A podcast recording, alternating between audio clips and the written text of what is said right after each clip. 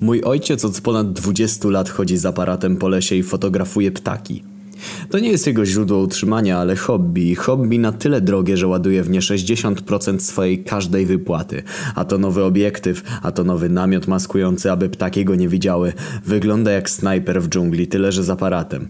Wysyła czasem, bo właściwie pod namową mojej matki, zdjęcia na jakieś konkursy przyrodnicze. Czasem dostaje jakieś wyróżnienia, filmy, książki tematyczne itd.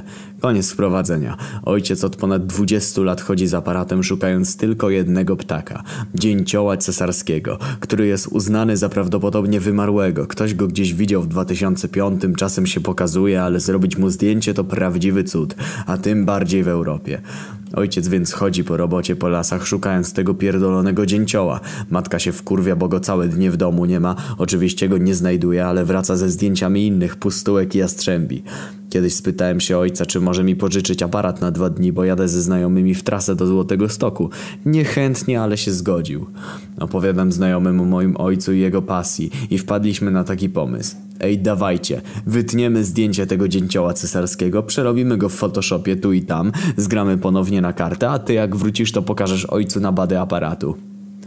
Wracam do domu, jest weekend, ojciec siedzi w domu wkurwiony, bo zabrałem aparat i ten nie mógł jechać na ptaki, matka w końcu zadowolona, he he, mężuś w domu, xd.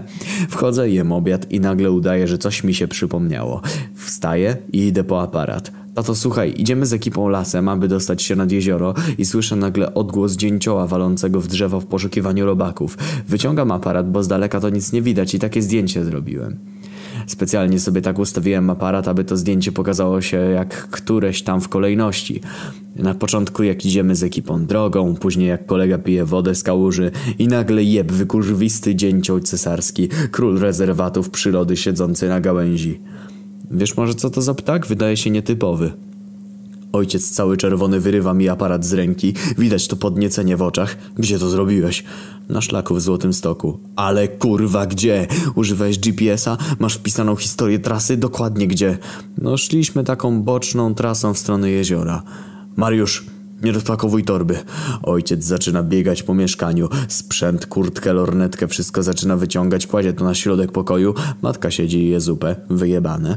Oczy świecą mu z podniecenia. Szykuje się jak na pierdoloną wojnę w Wietnamie. Już teraz chce tam jechać, pakuje wszystko co potrzebuje z bomby. Jeszcze 10 minut i go nie będzie. Aparat masz naładowany, co ci dałem, miejsce na karcie jest, zdejmuje spodnie i zaczyna się przebierać. Myślę sobie, ja pierdolę, co ja odjebałem.